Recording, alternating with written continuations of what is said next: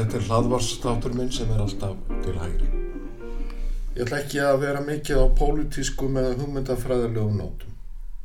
Ég ætla aðeins að segja frá ferð ungra króksara árið 1954.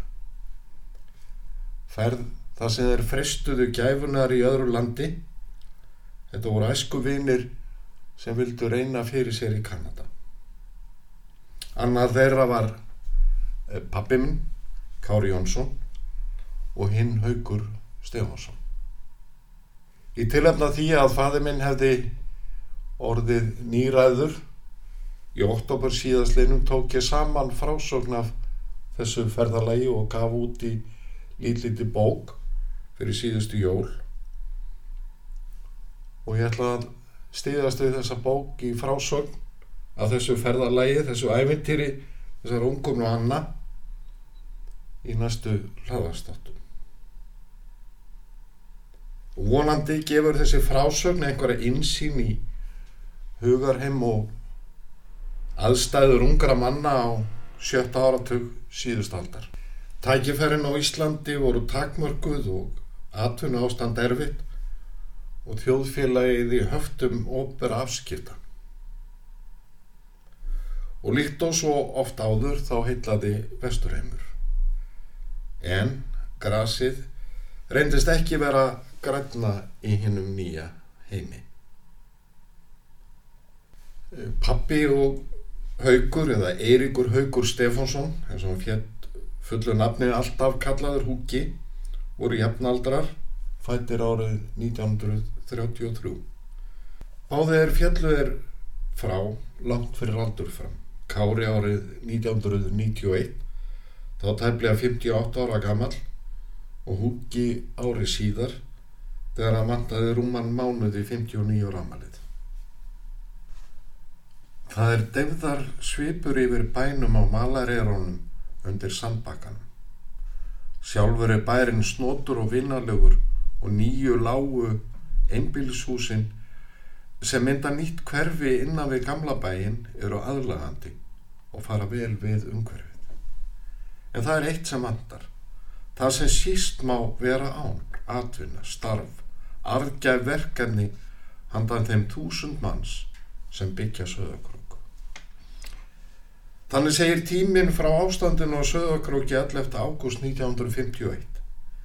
Um veturinn hafði verið fiskleysi og skagafyrði og bátar bundnir við bryggjurnar því ekki fæst bein úr sjó. Slíkt hafi ekki gæst í áratögi. Þegar önnur atvinna er svo hverfandi lítil í bænum þarf engan að undra þótt fremur döflegt sé umhólfs. Þeir sem þess hafa átt kost hafa reynd að komast brott í vegavinnu á síld í kaupavinnu. Heimafyrir er varla önnur vinna en í sambandi við vestlunafyrirtækin og mjölkurbúið.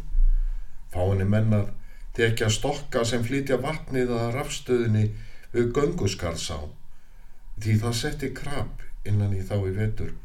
Fáinni menna girða og lýsa flugvellin því að þarna á að verða nöðlending handa millilanda flugvelum eftir slíks þarf að grýpa.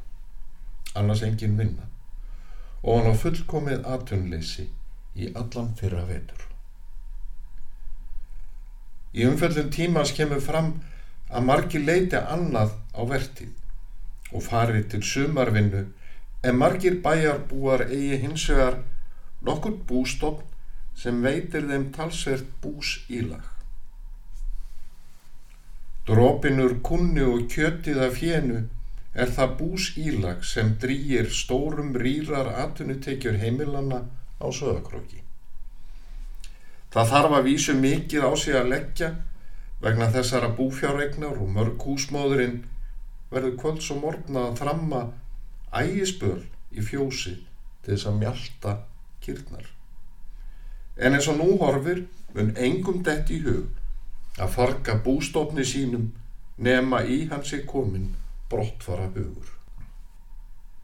Þótt staðan á söðukróki hafi verið erfið og litla vinnu að fá var slegin björnsinnins tótt í tímanum. Öll aðstæði í bænum sé slík að það er eftir að geta verið fjölþætt aðtunlíf með örugri afkomu og jáfnfram tröstur bakkjall eins miklaði landbúnaðar hérast með fjörug viðskipti þannig að það stitti annað sveit og bær. Til þess að sádraumur rætist verða eiga sér gaggerar breytingar. Annar stefni í að fólk rögglist frá bænum þegar það neyðist til að sækja mestallar peningatekjur sínar í önnur byggðalög og aðra landsfjörðunga. Slík þróun sé gegn vilja bæjarbúa og sé ekki þjóðfélaginu til góða.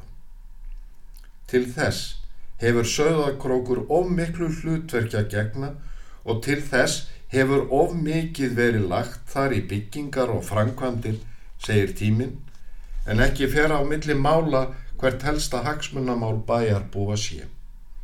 Á nótæfrar hafnar sé söðakrókur dæmdur til kirstöðu og nignunar og tíminn heldur áfram. Það sem vantar á söðakróki eru atvinnutæki er veita fólki vinnu og tekjur áriðum kring. Skilir þið þess að atvinnutækin komi er nótæf höfn. Hafnarmálin eru brínust alls Árið síðar hafði hins vegar lítið ræst úr Valdimar Pétursson formaður verkalisfélags fram á Söðakróki segir svo um afkomu almennings í skýslu sinni til alþýðusambansins. Ber atvinnleysi skráningin með sér að hér hefur ríkt atvinnleysi í allan vetur. Fiskabli hefur með öllu bröðist á grunnmiðum og ótíðin hefur torvelda sjósól á djúpmið eru fjárhas örðuleikar almennings nú svo miklir að þeir hafa aldrei verið jafn erfiðir. Veldur þar mestu um atvinnleysið og hinn ægilega dýrtíð og verðbolga sem liggur eins og mara á heimilum atvinnleysingjana. Þessum vágjastum þarf að víkja í burtu. Verður því að leggja allt kapp á að auka atvinnuna, hefja nýjar framkvæmdir og stór auka framleiðsluna. Ríkisvald og lánastofnanir verða að skilja hver brín nöðsin er á því að skapa því fólki sem hér býr mannsamandi lífskilirði með því að veita fjármagni í framleiðsluna og nöðsynlegar framkvæmdir. En þráttur erfileika voru íbúðar ornir um 1000 þegar að Söðakrókur fekk kaupstæðaréttindi árið 1947. Göngusgarsárvirkjun var reist á árunum 1947-49 og hitaveita og borhólu við Áseldarholtsvat var lögð í bæin 1953. Frásagnir Tímans og Valdimars Péturssonar endur speklast vel í brefi Kára til Húka í ágúst 1953. Oft hefur verið döft á króknum en aldrei eins og nú. Varla nokkur ungur maður heima. Bíó eru aldrei, dansleikir sjaldan og þá mjög döfur. Ef svo skilti fara að við færum ekki fyrir enn í vor, og hér vitnar Kári til ferðarinn til Kanada, er ég ákveðin í að hætta hjá Haraldi nú bráðlega og leita mér aðtunni annar staðar. Hér kapna maður þegar til lengdar lætur. Hvað segir þú um kemlaðegu flugöld? Til þú rétt að mér að fá vinnu þar. Í oktober segir Kári að frá kroknum sé anskotans ekkert að frétta. Allt sé við því sama, ekkert gerist. Ástandið á sögurkrokir var vissulega ekki einstami. Á sjötta áratug síðustu aldar var Íslensk atunlíf einhæft, höft við líði en það höfðu vindar frelsi sem fylgdu viðreysnarstjórn sjálfstæðisflokks og alþýjuflokks 1959 til 1971 ekki fengið að blása um þjóðfélagið.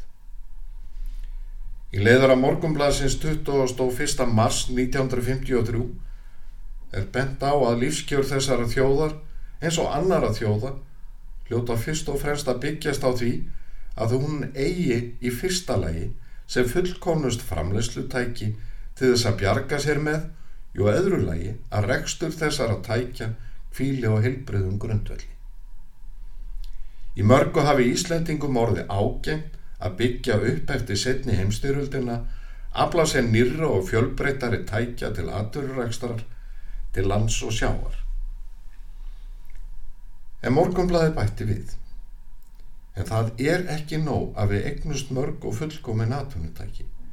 Það verður að vera hægt að reka þessi tæki þannig að þau skapi almenningi atvinnu og öryggi um afkomu sína. Með teppi að láni frá kærlingunni. Við vorum eina tösku og póka með tveimur teppum í sem kærlingin lánaði okkur svo sem við vorum hjá en tvo svarta kotta keftum þau okkur. Við lögðum að stað klukka nýju og var ferðinni heitið til Láriér, lítils Þorps um 148 mílur norðvestur af Vinnipeg fyrir vestan Manitobavatnið. Þegar á stöðuna kom klukkan þrjú um nóttina var enginn til að taka mót okkur og þarna stóðu vagnarnar í röð og mót okkur drungalegir í myrkurinu framtíðar heimilið. Svo við reyndum að sopna á hörðum bekkjum járbröytastöðarinnar en svo sæla stóð ekki lengi því að þeir lokuðu um hálf fimm og örðum við að hýma úti morgun svalam.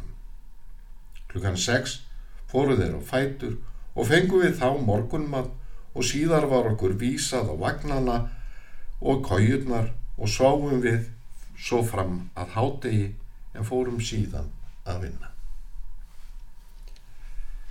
Þannig skrifar Haugur Stefansson hungi fóröldurinn sínum í ágúst 1954. Þá hafði honum tekist að fá vinnu á samt félaga sínum Kára Jónssoni hjá kanadísku ríkis hjálpbreytunum. Huggi og Kári voru tæplega 21 ás og draumur þeirra um fyrirheitnalandið var að rætast.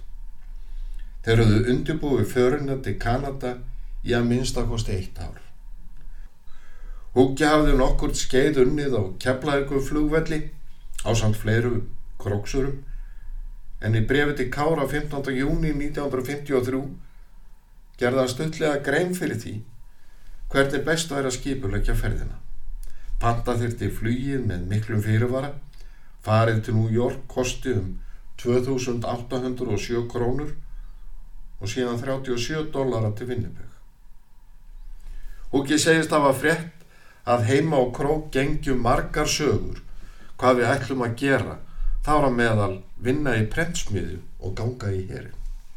Í þessu sambandi ég verði að taka fram að pappi saði mér aldrei frá Kanadafjörunni eða dölinni þar. Ég gerði mig snemma hins vegar grein fyrir því að dölin í Kanada og þau æventyri sem að þeir lendu í samfærði pappa um að hann gæti hverki á teima annar staðar en á Söðukröki.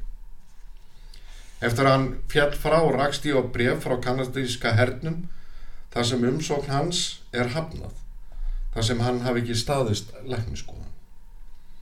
Þráttur ítalega leitt hefur mér ekki tekist að finna brefið aftur. Raunar, segir pappi frá því í brefi til auðar sýstu sinnar, að þeir félagar hafi leitað til hersins en án árangurs. En ungu vinnirnir, Kári og Huggi voru staðránir í að reyna eitthvað nýtt og komast burt úr fábreytileikanum í bænum undir nögunum. Ekki var margt í bóðu á söðakröki. Kári vann í Veslun Haraldar Júliusson og Huggi og keflagu flugvelli eins og áður segir. Í brefi til Hugga í mæ 1953 segir Kári að nú sé hann alveg til í Amerikuföruna og hann hafi þegar sagt upp störfum. Kári segir einni að hrein sé alveg vittlus í að koma með þeim félugum vestur um haf. Hér vitnan hann til hreins Sigurssonar sem var æsku félagi þeirra Húka og Kára en hann var fættur 1934. Hreittarag lengi efnalög og söðukróki, prentsmíð og fleira og hann var fyrsti framtagsmaðurinn sem létt sig dreyma um útflutning á vatni frá Íslandi.